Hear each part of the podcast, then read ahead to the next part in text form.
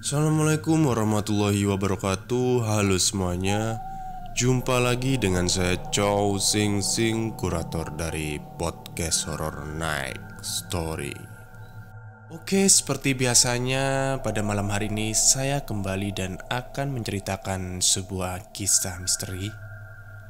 Dan kisah kali ini saya dapatkan dari Twitter Bernama Eds Wahyu Arianto seperti apa ceritanya? Mari kita simak. Aku akan menceritakan kisah dari pamanku yang dulu Sewaktu masih bekerja di daerah Jawa Barat Dan sering bolak-balik ke rumahnya yang ada di kota Semarang Sebelum masuk ke cerita Saya akan mengulas sedikit tentang alas roban dari beberapa sumber Alas roban mungkin terdengar seperti tempat biasa bagi kebanyakan orang, tapi bagi masyarakat Jawa Tengah, daerah ini mempunyai kesan tersendiri. Ya, alas roban bisa dikatakan sebagai salah satu tempat paling angker di Pulau Jawa. Alas roban sendiri adalah nama dari sebuah hutan yang di dalamnya dibuat semacam jalan untuk menghubungkan kota-kota di Jawa Tengah dan provinsi. Jalanan itu sendiri sudah dibuat lama sekali, kurang lebih ketika Belanda belum lama menjajah Jawa. Nah, tak hanya cerita mistis di hutan Alas Roban, jalanan yang membentang di antara hutan Alas Roban ini juga kental dengan cerita-cerita mengerikan yang mungkin bisa membuat seseorang trauma untuk melewatinya. Dulunya, jalan alas roban ini dibangun sejak abad ke-18 oleh para pribumi. Untuk membangun jalan ini, memang usahanya luar biasa karena harus membelah gunung, membabati sebagian hutan dan membuat jalannya. Nah, yang lebih mengerikan lagi, jalan ini dibangun oleh para pelaku kerja paksa. Ya, orang-orang pribumi dengan jumlah ribuan dipaksa untuk membuat jalan sepanjang itu. Alhasil, banyak mereka yang mati karena terlalu lelah dan perilaku buruk dari Belanda. Mayat-mayat para pekerja biasanya dibuang begitu saja di tepi-tepi jalan. Makanya, kemudian di tempat ini sering muncul suara-suara atau mungkin penampakan yang mengerikan. Melewati jalan alas roban tak hanya harus dengan kendaraan yang oke, tapi juga mental yang kuat, dan kendaraan harus juga baik jalannya. Hal itu memang dibutuhkan karena jalanan di sini cukup mengerikan. Jalannya berkelok-kelok dan di beberapa titik cukup curam naik dan turunnya. Soal mental jelas hal ini dibutuhkan karena apa yang terjadi di perjalanan nanti kita tidak pernah tahu. Sudah sangat lazim kalau banyak orang yang diganggu ketika melewati jalan ini. Entah oleh penampakan-penampakan ngeri Makhluk gaib yang menumpang kendaraan Dan sampai disesatkan oleh makhluk penghuni alas roban.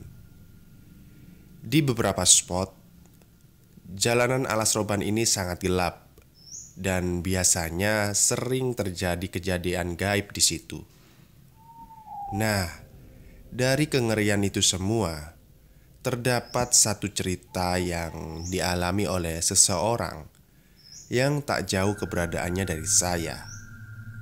Dia adalah paman saya yang dulu merantau di daerah Jawa Barat, sehingga sering bolak-balik ke rumahnya yang ada di Semarang. Sebelumnya, nama paman saya ini disamarkan, ya. Saat itu saya dan paman saya sedang makan pecel lele di warung favorit keluarga di Semarang. Kami berdua cerita ngalor ngidul hingga akhirnya pamanku cerita soal pengalaman mengerikannya semasa mudanya dulu. Perkenalkan, namaku Agus. Ini adalah ceritaku saat melewati alas roban di awal tahun 2000-an saat aku hendak pulang ke rumah yang ada di kota Semarang. Jadi, Mas Agus ini nama samaran dari pamannya Mas Wahyu ya. Siang ini adalah hari Jumat. Sebulan sebelumnya, aku sudah mengambil cuti untuk dua hari di hari Senin dan hari Selasa depan dan pulang ke rumah untuk bertemu dengan keluarga. Oh iya, beberapa hari sebelumnya aku sudah janjian dengan kawan lamaku, namanya Rifkan, yang juga akan pulang ke daerah Demak. Jadi, kami akan pulang bersama dengan mobilku dari tempat kami berada. Pulang kerja, aku langsung bergas mandi dan bersiap langsung mulai perjalanan. Sore itu terasa sangat damai dengan udaranya. Suara anak-anak kecil di pelataran rumah dekat kontrakan pun terdengar sangat ramai. Rif, aku sudah siap nunggu di depan kontrakanmu ya. Ucapku di dalam telepon memberitahu Rifkan kalau aku akan berangkat. Kontrakan Rifkan ini agak jauh namun kebetulan searah dengan arah jalan pulang yang akan kami lewati. Saat hampir sampai, aku lihat Rifkan sudah menunggu di depan kontrakannya. "Ayo," seruku kepada Rifkan sambil membuka kaca mobil. Rifkan langsung memasukkan tasnya di kursi tengah, dan dia duduk di kursi depan menemaniku.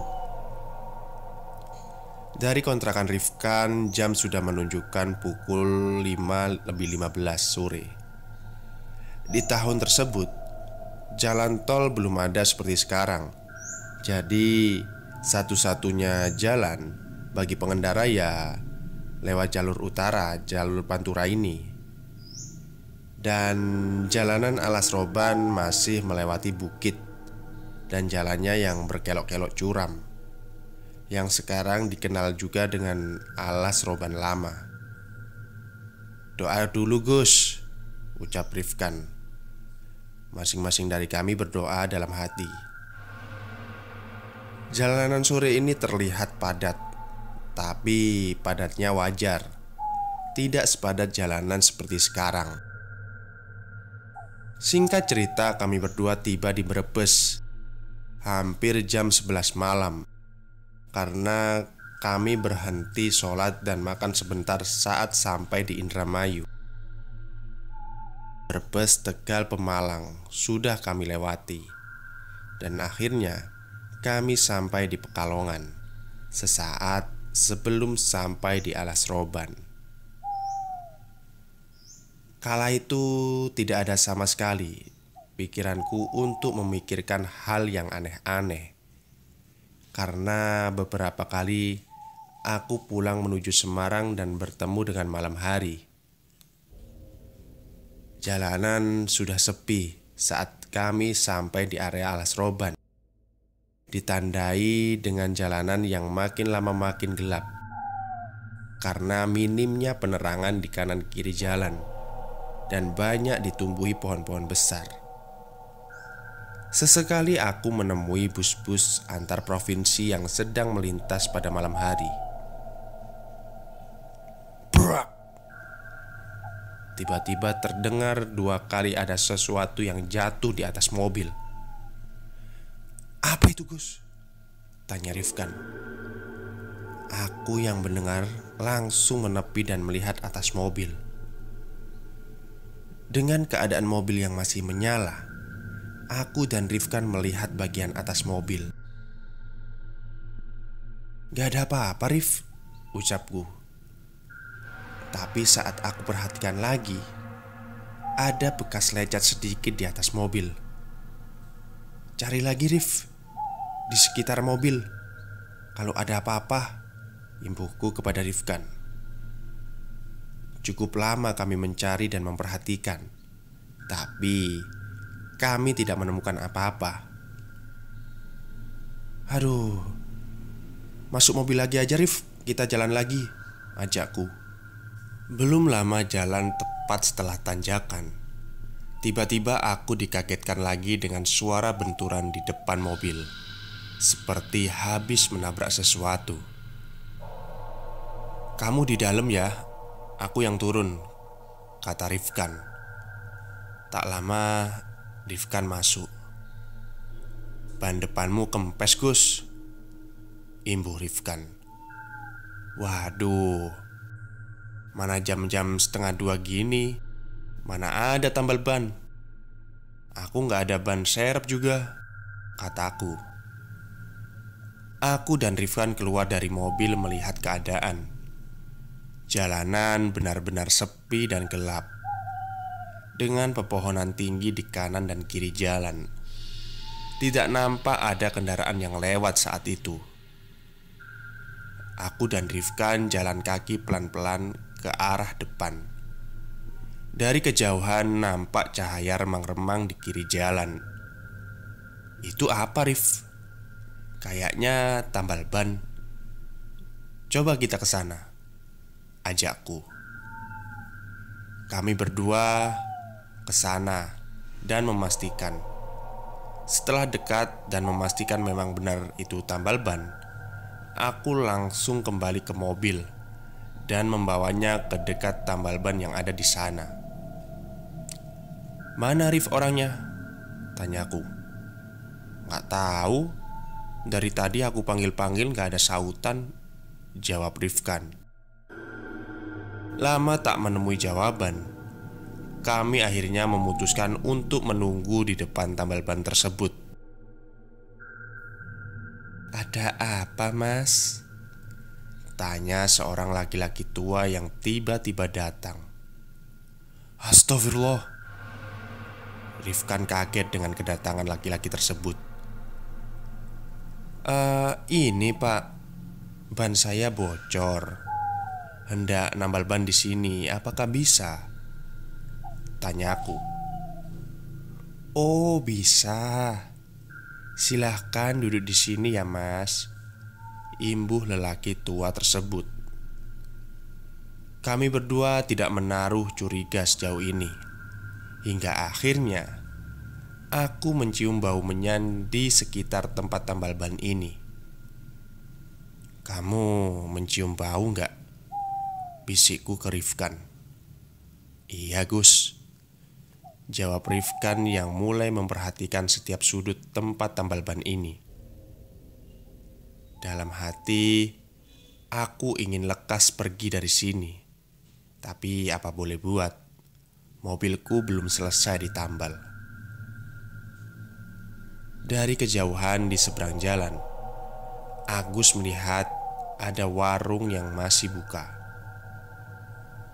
Ke warung sana aja, Gus. Nunggu sambil ngopi di sana. Ajak Rifkan.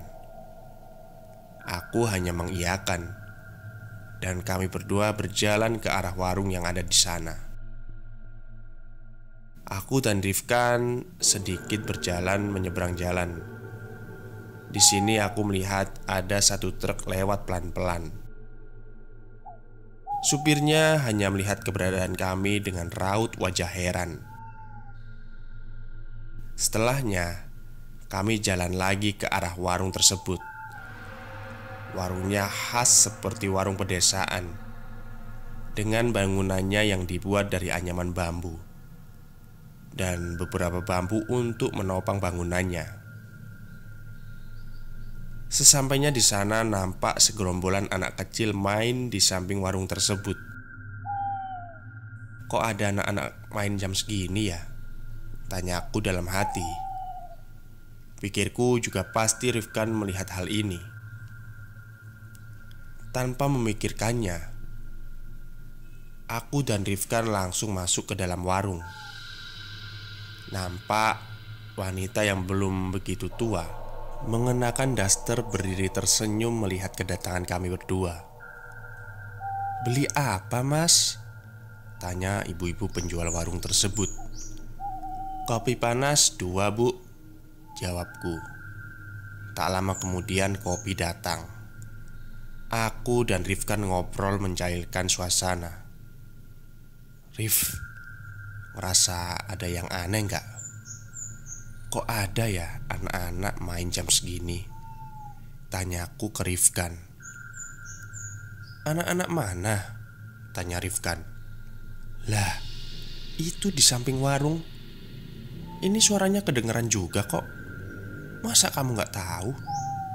Ucapku Tanpa menjawab. Rifkan yang mendengarku langsung keluar melihat samping warung. Mana? Gak ada apa-apa. Jangan aku takutin dong Imbu Rifkan. Situasi mulai tegang. Ibu-ibu penjual warung tiba-tiba hilang entah ke mana. Aku dan Rifkan memutuskan untuk bergegas kembali ke mobil. Bu, sampun Ucapku memanggil ibu penjual warung Bu Berkali-kali aku memanggil tapi tidak ada jawaban Bu, sampun Kini gantian Rifkan yang ngomong tapi tetap saja tidak ada jawaban. Sekali lagi aku memanggilnya Bu. Bukannya jawaban dari ibu penjual warung tersebut yang kami dapat. Kami malah dibuat kaget dengan suara yang kami dengar. Terdengar seperti suara wanita tertawa sangat keras dan melengking dari luar warung. Gus, Gus, Kata Rifkan memanggilku Aku hanya menatap Rifkan tanpa mengeluarkan kata-kata apa pun Nampaknya Rifkan paham Aku pun juga menyadari suara tersebut. Kami berdua bergegas keluar dari warung Mencari dari mana arah sumber suara tersebut. Dan ketika kami melihat ke arah belakang warung Astaghfirullahaladzim Kami berdua beristighfar bersama. Ternyata Ada wanita berdiri tegak berjubah hitam Sangat panjang Di samping pohon di dekat warung tersebut Matanya terbelalak putih Dengan wajah pucat dan rambutnya yang panjang Anak-anak kecil yang tadi aku lihat pun berlari menghampiri perempuan tersebut. Aku lihat anak-anak tersebut ada yang wajahnya hancur dengan banyak luka di badannya. Sangat jauh beda dengan awal aku melihatnya tadi. Hihihihihi. Kulihat wanita itu tertawa lagi, yang membuat telinga kami berdua sakit.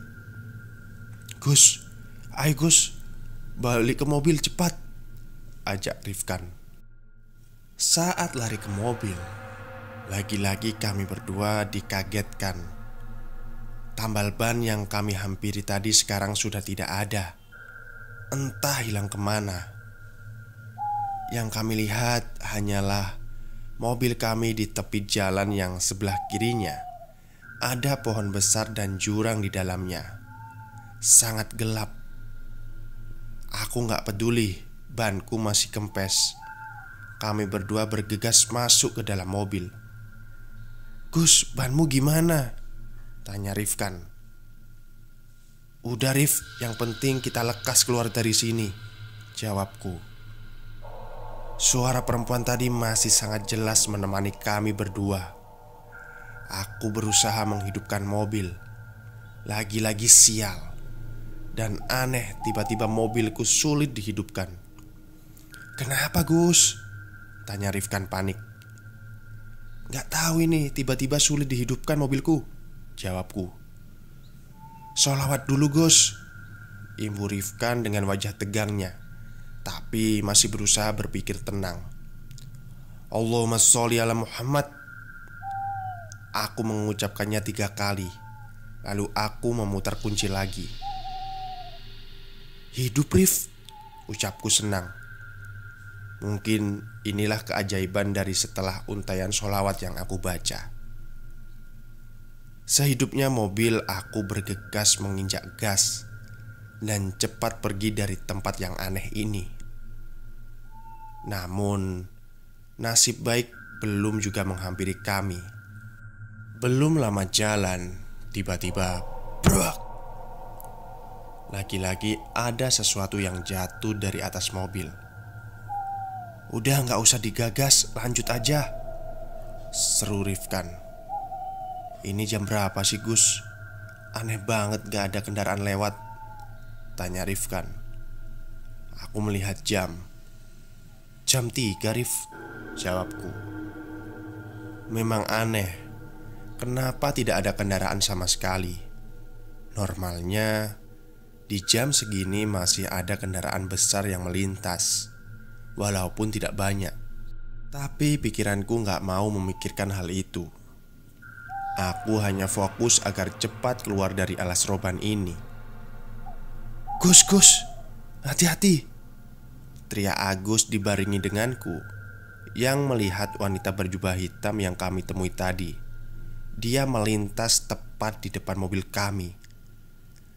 Aku yang kaget spontan langsung banting setir dan menginjak rem mendadak.